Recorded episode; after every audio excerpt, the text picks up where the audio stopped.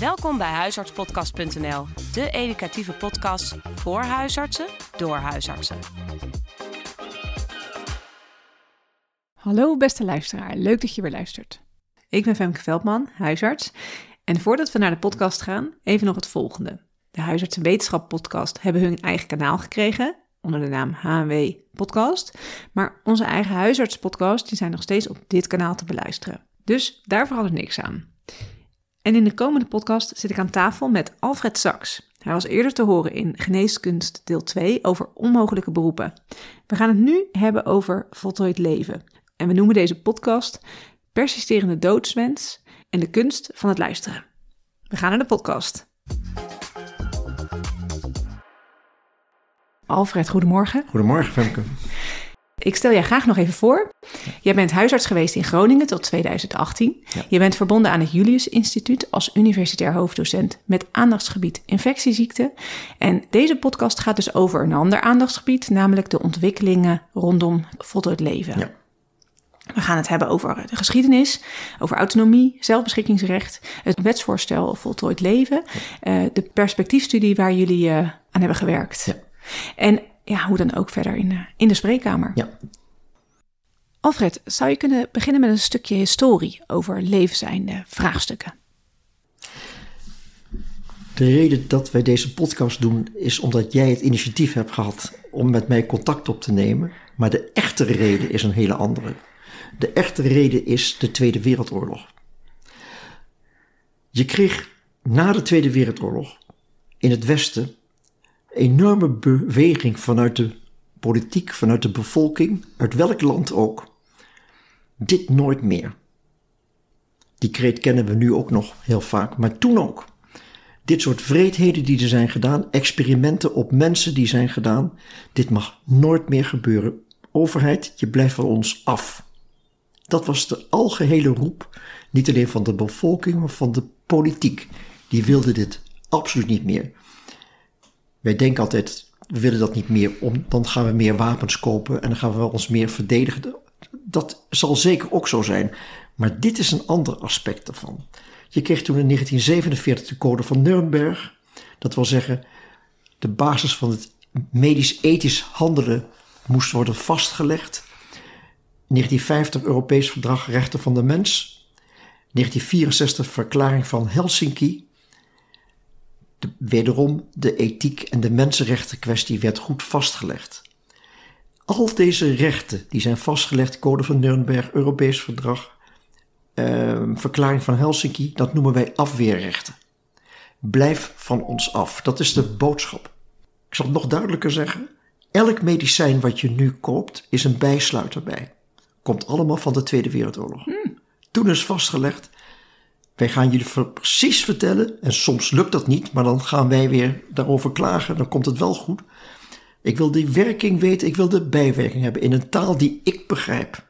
Zodat ik kan beslissen of ik het doe of niet doe. Hm. Is allemaal Tweede Wereldoorlog. Hm. Ik zal het woord Tweede Wereldoorlog niet meer te vaak gebruiken, maar 5 mei ligt net achter ons, dus nu, nu durf ik dat te doen.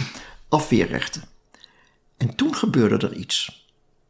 1980 2001, nu.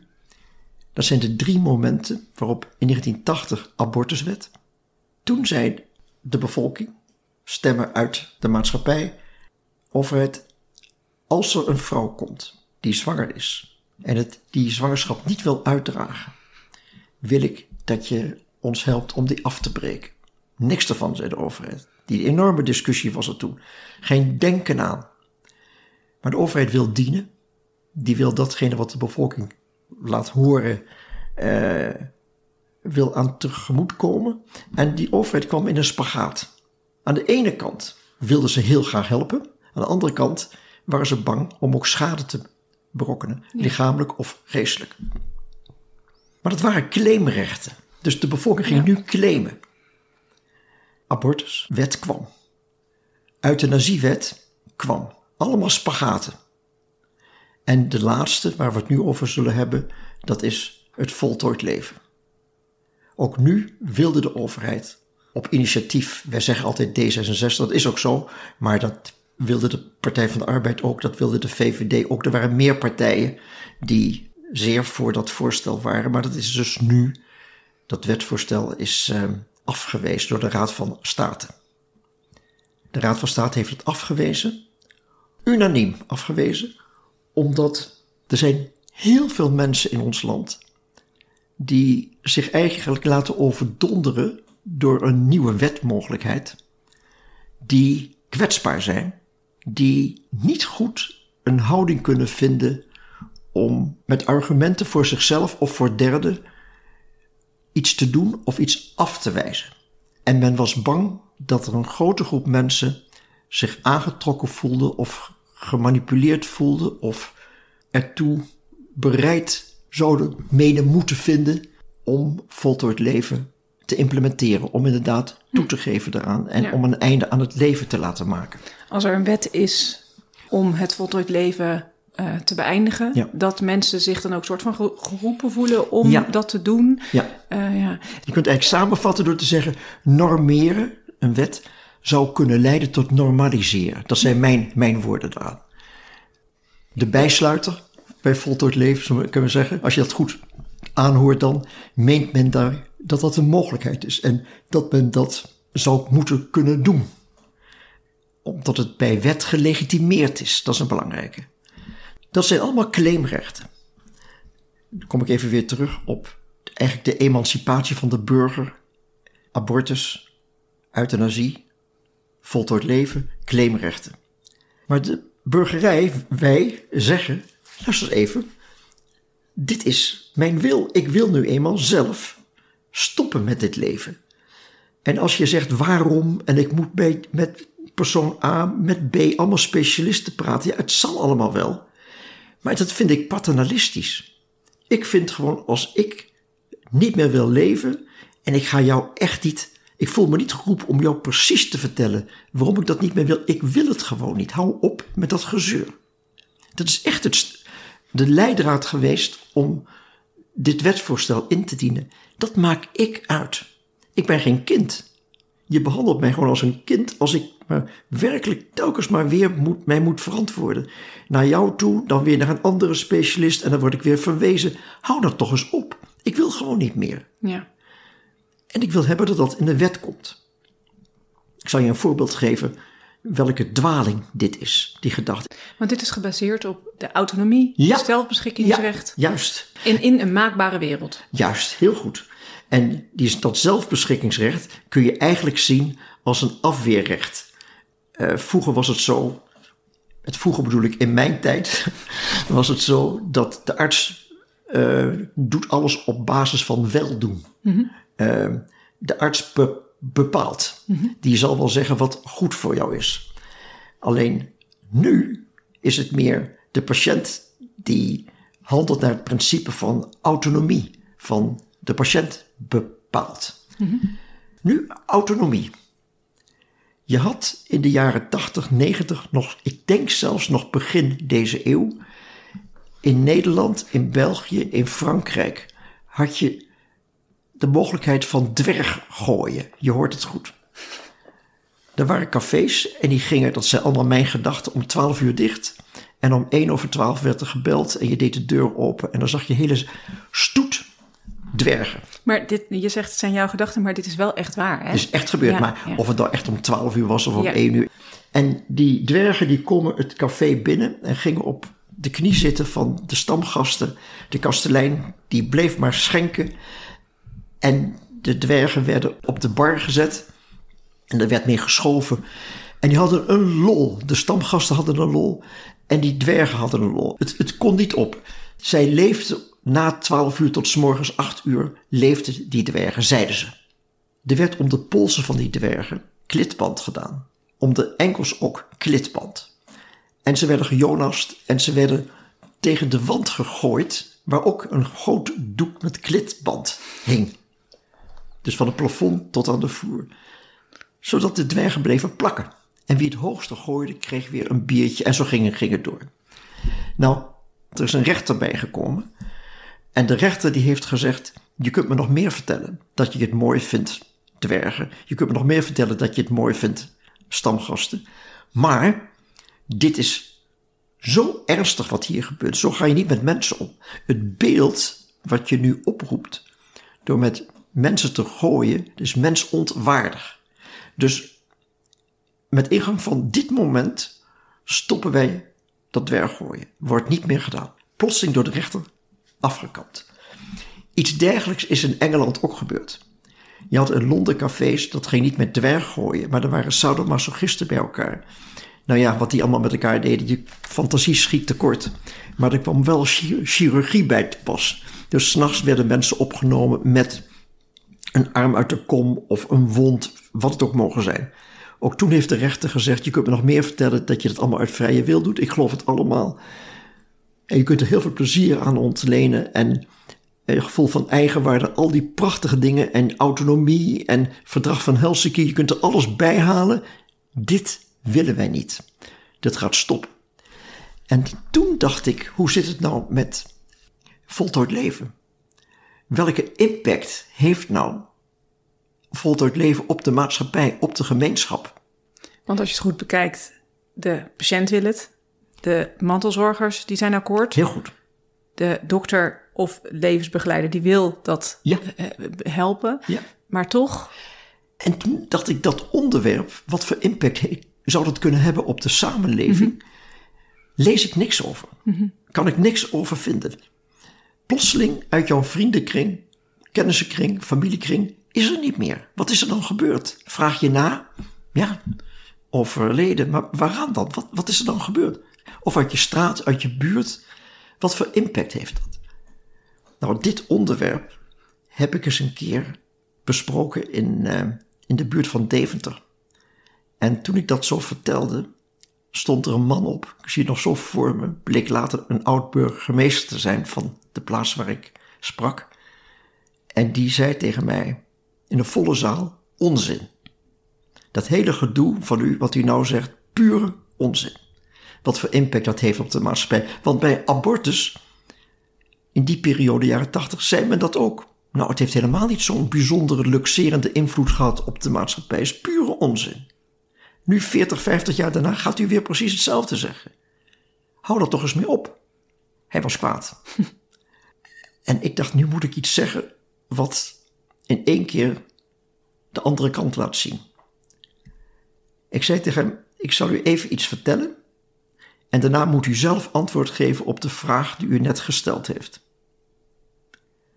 Het eerste is: er komt een vrouw bij de dokter. Want u haalde abortus aan. Dat dat toen geen enkele negatieve impact heeft gehad op de maatschappij. Er komt een vrouw bij de arts, waar ook ter wereld. En die zegt: Ik ben zwanger. Ik wil die zwangerschap afbreken. Wilt u mij daarbij helpen? Het allereerste wat elke arts, waar ook, doet, is een zwangerschapstest. Of die vrouw dat dan zelf gedaan heeft of niet, maar je doet altijd een test. En als die test onduidelijk mocht zijn, om wat voor reden ook, dan ga je misschien een echo maken, je doet bloedonderzoek. En als je het helemaal niet meer vertrouwt, dan blijf je gewoon bij de vrouw zitten en je wacht negen maanden. En als er een geboorte is, dan was hij positief en anders enzovoort. Nu maak ik de link naar voltooid leven. Toen zei ik tegen de meneer, en nou komt iemand bij de dokter en die zegt, dokter, ik wil niet meer leven. Heeft u voor mij een pilletje? Welke test doet u dan?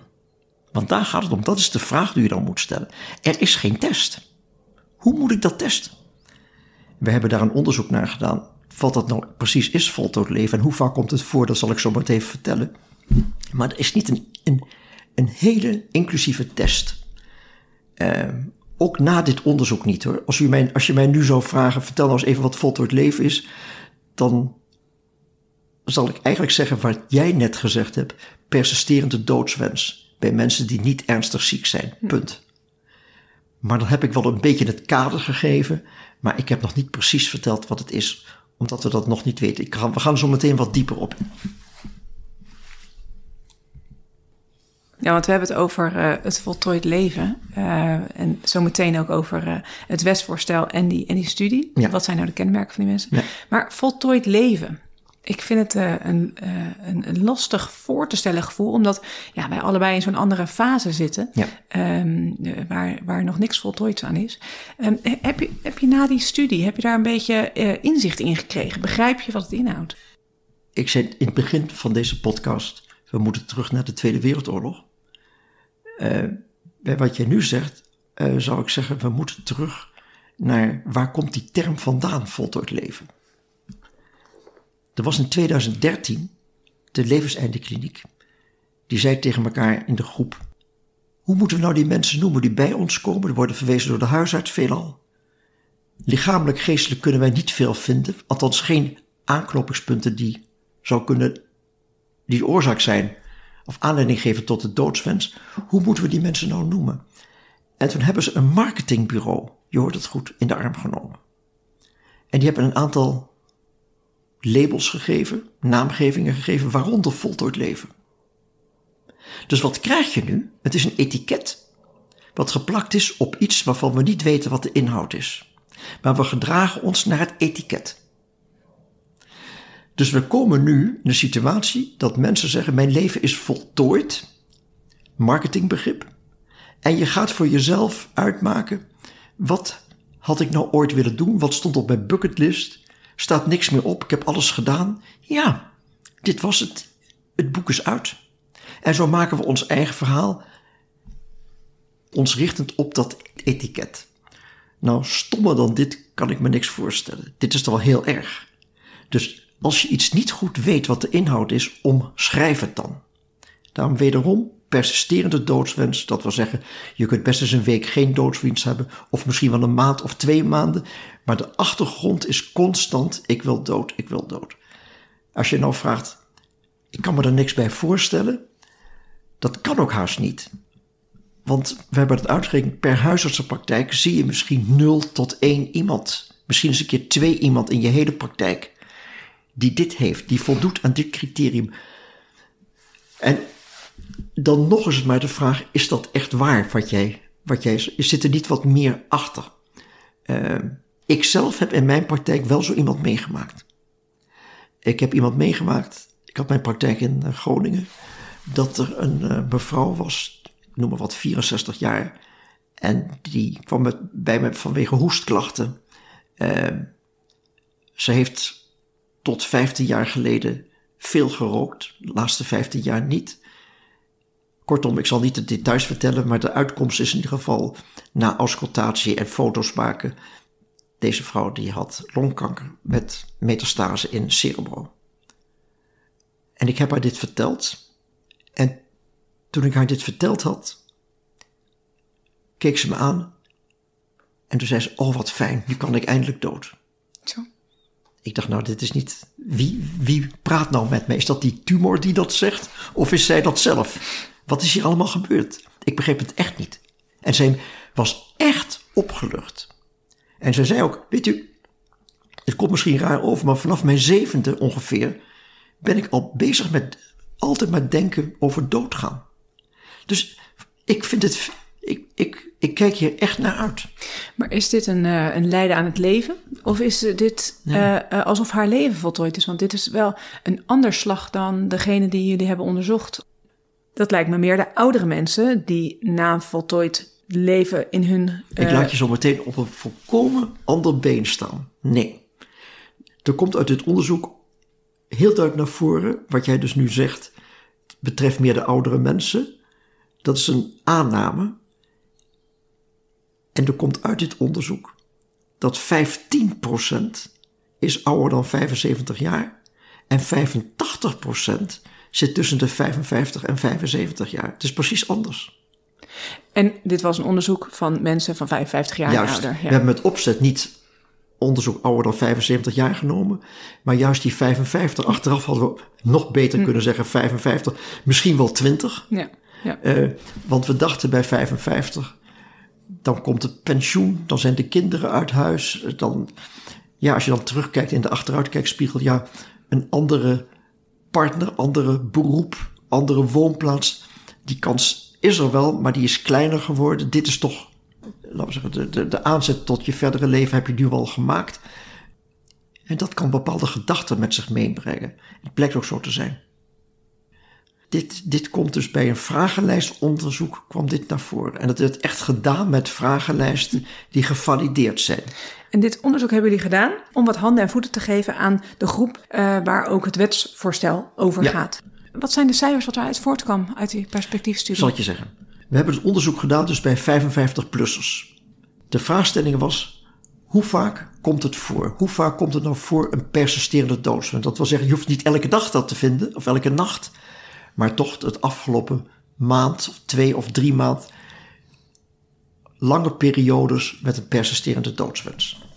Dat komt voor onder de 5,6 miljoen 55-plussers die we hebben. In 2019 5,6 miljoen komt het voor 76.000 mensen. Dus 76.000, 1,34 procent. 76.000 55-plussers heeft het gevoel van een persisterende doodswens. Daar is een groep, niet daarbinnen, maar daarnaast is er een groep van 0,8 procent. Dat zijn 43.000 mensen, 55-plussers. En die hebben een actieve doodswens. En het actief heb ik altijd gedacht, die lopen met een touw door het huis, maar dat is niet zo. Dat zijn de mensen die hebben iets vastgelegd. Van, eh, ik wil niet meer lang leven. Zo wil ik aan mijn eind komen. Ik, ik heb het bespreekbaar gemaakt met de huisarts, met mijn partner. eh, of aan de familie meegedeeld. Of voor jezelf iets in huis gehaald. Zou ook nog kunnen. En dan heb je een harde kern. En dat schatten wij op ongeveer 10.000 mensen in Nederland. Eh, dat zijn ongeveer 2.500 75-plussers. En 10.000 55-plussers. Ja, die wil, zegt liever vandaag dan morgen niet meer te willen leven. Nogmaals, allemaal mensen, voor zover wij hebben, wij hebben kunnen nagaan met vragenlijsten, geen depressie, geen angststoornis. Je moet wat ik zeg wel een beetje met een korreltje zout nemen. Want het zijn weliswaar ehm gevalideerde vragenlijsten, hoe je screent op depressie of op angststoornissen bijvoorbeeld. Of neurose. Maar het blijven toch ramingen. Het is niet een één op één gesprek. Dus dit vraagt wel op een vervolgstudie. En dat zijn ongeveer dus die aantallen die ik net noemde, 10.000 55-plussers die liever nu willen stoppen. Maar pas op, bij dat voltooid leven, tot nu toe heb ik altijd gezegd in deze podcast, dat zijn mensen met een persisterende doodswens. Maar ze hebben ook een levenswens. Het is ambivalent. En ik denk dat je dat woord moet onthouden in die hele podcast. Ze hebben een levenswens die krachtiger is dan de doodswens. Behalve misschien bij die groep die ik net op het laatst zei, die 10.000 mensen. Daar komt vaker voor die doodswens. Maar die levenswens houdt hun nog in leven. Dus het woord ambivalentie is heilig. Is echt cruciaal om dat in de discussie naar voren te brengen. Waarom? Omdat er blijkbaar redenen zijn om dood te willen, die men moeilijk onder woorden kan brengen. Men noemt het voltooid, maar als je doorvraagt, zitten er andere aspecten aan. En er zitten ook uh, aspecten aan van dat ze juist willen leven. Nou, waarom ze dood willen, dat is, ze piekeren veel.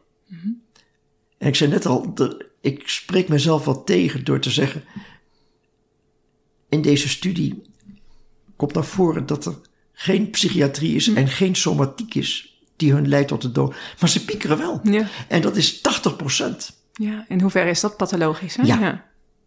ja. Uh, dat is heel hoog. Ja. Dat woord piekeren is typisch Nederlands woord. Ik kan dat niet vertalen in welke taal ook. Hm. Uh, dit is wel interessant, want er moet volgens mij iets met een stemmingstoornis zijn. Het kan haast niet anders. De aftakeling die men ervaart leidt tot een ik wil doodgedachte. Aftakeling 60%. Eenzaamheid 56%. Anderen tot last zijn. Nou, dat, dat, wij huisartsen hebben dit heel vaak gehoord. Hè? Ja. Ik wil niet mijn kinderen tot last zijn of wie dan ook. Dat dus, vind ik een hele lastige. Ja. Weet je, dat is ook moeilijk. En wij, wij kunnen dat met ons, al onze goede wil ook niet oplossen. Maar het is heerlijk om dit bespreekbaar te maken. Hoe maak je dit zelf bespreekbaar? Gewoon te zeggen, voel, heeft u het gevoel anderen tot last te zijn? En dan zeggen ze ja. Ja. En dan? En dan zeg je, waarin uitzicht dat dan? Noemt u eens op, een voorbeeld op dat u anderen tot last zou kunnen zijn. En je stelt ze al gerust door te zeggen van, ik begrijp dit zo goed, ik hoor dit zo vaak, maar wat is dit nu? Dat anderen tot last zijn. Ja. Ja, en ik zijn natuurlijk heel praktische dingen dat je zegt, daar kan ik een wending aan geven door een instantie uh, voor te stellen of een persoon voor te stellen. Maar hierover te praten, dat doen ze namelijk met niemand. Tegen wie zouden ze nou zeggen, ik, ik ben zo bang anderen tot last te zijn? Ja, ik vind het heel lastig om ze daar wel in te overtuigen dat, dat ze niet tot last zijn. Of Ja. dat dat er ook bij hoort. Dat het op generatie overgaat. Ja. eh, dat mensen voor elkaar gaan zorgen. Ja, ja. Ja, maar maken ze dat maar duidelijk dat dat, dat oké is. Dat zal in dat ene gesprek niet zijn, maar als je de volgende keer weer terugkomt en je grijpt hier nog eens even op, op eh, aan. eh, het is voor hun een opluchting dat ze dat bij jou he- hebben kunnen neerleggen. Dat ze met jou erover hebben kunnen praten. Dit los je ook niet zomaar op. Nee. En dan komt een factor naar voren, wat ik nooit heb gedaan in de praktijk, maar misschien vele luisteraars nu wel. De jongere garde zal dat wel doen. Financiële zorgen bespreken. Ik vraag nooit naar financiële, ik heb het nooit gedaan. En hoeveel komt dat voor? Dat komt voor in 36 procent. Dat is ook veel, hè? Dat is veel. Ja, Dat is bijna 4 op de 10. Dat is echt veel. ja. Eh, en ik begrijp het wel, want stel je voor dat een kleinkind jarig is. Dat treinkaartje belemmert je, het cadeau belemmert je. Kunt dat je moeilijk betalen. Eh, dat geeft weer een insufficiënt gevoel. Dat geeft het gevoel, ik doe er blijkbaar niet, niet toe. Groot probleem. Dat, wil dus, dat hoeft niet te zeggen dat als de overheid deze getallen ziet, en dat heeft hij nu gezien, want we hebben dat rap- rapport aangeboden in eh, 2020, februari 2020. Als ik die oudere mensen nou, of 55-plussers die deze persisterende doodswens hebben, nou extra geld geef, dan heb je het opgelost. Maar dat hoeft dus niet zo te zijn. Dan los je wel iets op. Maar dat wil niet zeggen dat je daarmee dat piekeren en die eenzaamheid helemaal Ja, op gaat lossen. Dus het is moeilijk om een interventie te doen. Dus dit zijn de eh, redenen dat iemand een doodswens had. Ja. En de, de- jullie hebben ook de kenmerken onderzocht. Kenmerken, ja. Nou, eh 67% was vrouw, dus komt iets meer bij vrouwen voor. 50% woont samen. 85% heeft kinderen. Dat zijn allemaal mensen met persistente doodswens. Eh 70% woont in de stad. En nu komt het opvallende. 44, 44% is laag opgeleid. Nou, ik had, ik persoonlijk en ook mensen uit, mijn, uit het team die dat onderzoek deden, Els van Wijngaarden onder andere, dacht, dit is typisch een grachtengordel gedachte. Dat eh voltooid leven gedoe. En dat is niet zo. Het komt ook heel veel voor bij laag opgeleiden. En dan is er dus een wetsvoorstel gedaan eh, voor voltooid leven. Wat staat er nou in dat wetsvoorstel en wat is eh, de huidige stand van zaken? Het wetsvoorstel, het is een voorstel. Het is afgewezen door de Raad van State, dus het is niet in stemming gebracht. Nu, in 2023, wil men een nieuw wetsvoorstel in gaan dienen. Dus de, Gebaseerd op dat oude. gebaseerd op het oude, maar er komen nieuwe punten naar voren toe. Ehm, en daar heeft onze studie, die perspectiefstudie, is daar echt debet aan geweest. Dus dat wetsvoorstel is dus ingediend inderdaad door D66, door Pia Dijkstra. In het voorstel stond dat mensen van 75 jaar en ouder, en het getal 75 is gewoon genomen klaar. Eh, ik heb een paar keer met Pia Dijkstra opgetreden. eh, en heb ik haar ook de vraag gesteld van waar dat getal 75. Ja, je, op je 18e, zei ze, kun je auto rijden. En op je 21ste of 18e kun je stemmen. Eh, ja, dat zijn gewoon getallen. Op je 75 kan het voltooid zijn. Ja, dat is, daar zit geen wetenschap achter. Nee. Eh, ook andere zorgopties moet je bespreken. Eh, minimaal twee gesprekken. Het moet een persisterende stervenswens zijn. Dat moet worden opgeschreven, die wens, of het wordt op een video opgenomen. Ehm, dan komt er een tweede levenseindebegeleider, dus liefst geen arts. En die gaat dan de gesprek nog een keer aan met die persoon. Als die ook vindt, ja, dit is inderdaad iemand met een authentieke stervenswens. Dan gaat dus die eerste levenseindebegeleider naar de apotheek en haalt dus het barbituraatdrankje, wat het ook mogen zijn, op. En overhandigt dat aan de persoon die het betreft. En ehm, inlichten van de huisarts is niet obligaat. Mag, of de familie mag, of het tehuis waar de persoon is, mag. Niks is, kun je af gaan dwingen. Um, en nadat de betrokkenen is overleden, dan doet de levens- en de begeleider verslag aan de gemeentelijke lijkschouwer. Zo staat het in dat wetsvoorstel. Je kunt natuurlijk niet iemand zomaar zo'n dankje geven, daar moet je zorgvuldigheidseisen zijn ervoor. kon ik niet zien in dat wetsvoorstel. Ja, en uh, er is ook niet in beschreven in het voorstel wat te doen als het drankje niet werkt, hè? Nee. Nee, dus... Zat allemaal niet bij. En ja. 1 op de 20 gaat namelijk mis. Ja. Of het wordt niet helemaal opgedronken, of men moet over, overgeven. Het kan de mensen heel erg vies worden ervaren. Uh, of je krijgt een vasofagale re reactie. Nou, ja, want het kan, uh, de euthanasie kan natuurlijk ook met een drankje gebeuren. Daar hebben we een podcast over opgenomen. Ja. Maar dan heb je ook een naaldje voor een naaldje. De, euthanasie echt uit te voeren ja. met een uh, Ja. IV. Als het niet werkt met een drankje. Ja. Maar nogmaals, dit staat dus niet in het uh, wetsvoorstel. En wat, wat verwacht je van het nieuwe voorstel? Ik weet niets van de inhoud van het nieuwe. Ik weet zeker dat men nu, wat de uitvoering betreft, ja, dat men dat heel zorgvuldig zal opschrijven. Dat geloof ik vast. Uh, ik ben heel erg benieuwd. Ik weet er helemaal niets van. Maar de, um, de rechter die uh, besloot bij het dwerggooien dat er een, um, hoe noem je dat nou? Corrumperende maatschappij ja, komt. Ja, ja. Wat zal daar een rol van zijn hier? Dat het hele idee van voltooid leven, dat dat dus genoeg is. Ja. Als je het thema aansnijdt, voltooid leven, dan zegt 70% van de Nederlanders: wij willen dat er zo'n wet is. Het lijkt wel een claimrecht. Hm. Wij willen dat die wet er komt. Hm. We hebben in onze enquête gezegd: er is een oud hoogleraar interne geneeskunde, 84 jaar, weduwnaar, heeft kinderen, heeft de hele wereld doorgereisd. Gaat hem buitengewoon goed, geestelijk, lichamelijk, maar die wil niet meer leven. Wat vindt u dat hij ook een drankje moet hebben? En toen heeft nog maar 32% gezegd. Dus niet 70, maar 32%. Dus zodra je iets personificeert, hm. krijg je een hele andere perceptie. Uh, en men weet niet wat voltooid leven is. Men heeft geen idee. Als je het bespreekt in je spreekkamer, uh, voltooid leven, dan zegt men ja, maar als ik niet meer kan zien, of als ik niet meer kan horen, of mijn smaak valt weg en ik, ik heb een slecht hart en ik ga allemaal dingen noemen, waardoor zijn levenskwaliteit naar beneden gaat.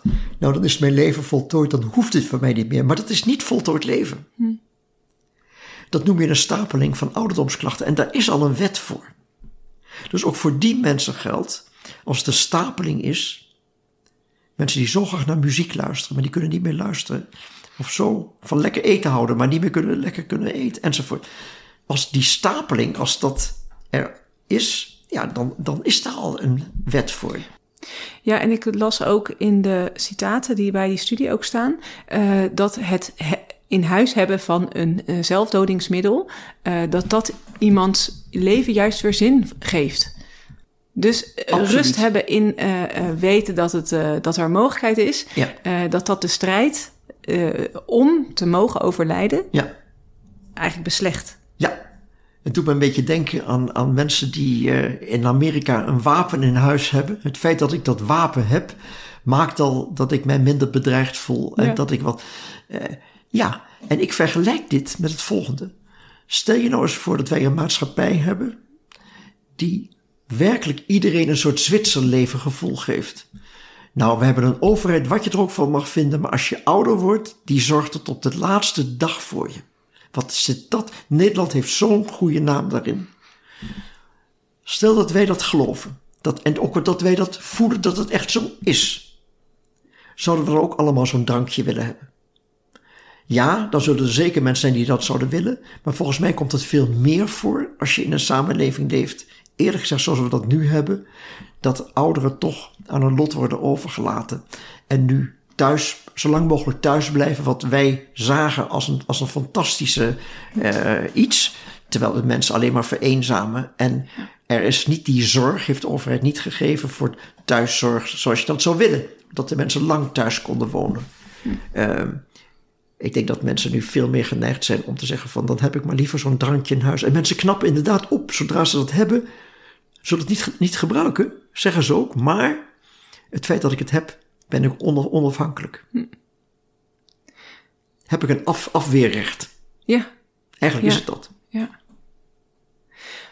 Um, deze mensen met deze klachten, als die in je spreekkamer kwamen, um, hebben je tips voor de luisteraar uh, hoe daarmee om te gaan? Ik heb een tip die uh, ik per ongeluk een keer heb gebruikt. En die is me zo goed bevallen dat ik hem vaker heb gebruikt. De eerste, laten we zeggen, de belangrijkste is, en dat kan de huisarts bij uitstek doen, is gewoon doorvragen en luisteren. Dus de factor tijd speelt een rol. En dit onderwerp, wat moeilijk is voor degene die bij jou komt om te bespreken, dat zelf eens even weer naar voren brengen. Hoe, we hebben het erover gehad. Ik vond het interessant. Uh, in de zin van, het heeft mij wel ook, mij ook tot denken aangezet.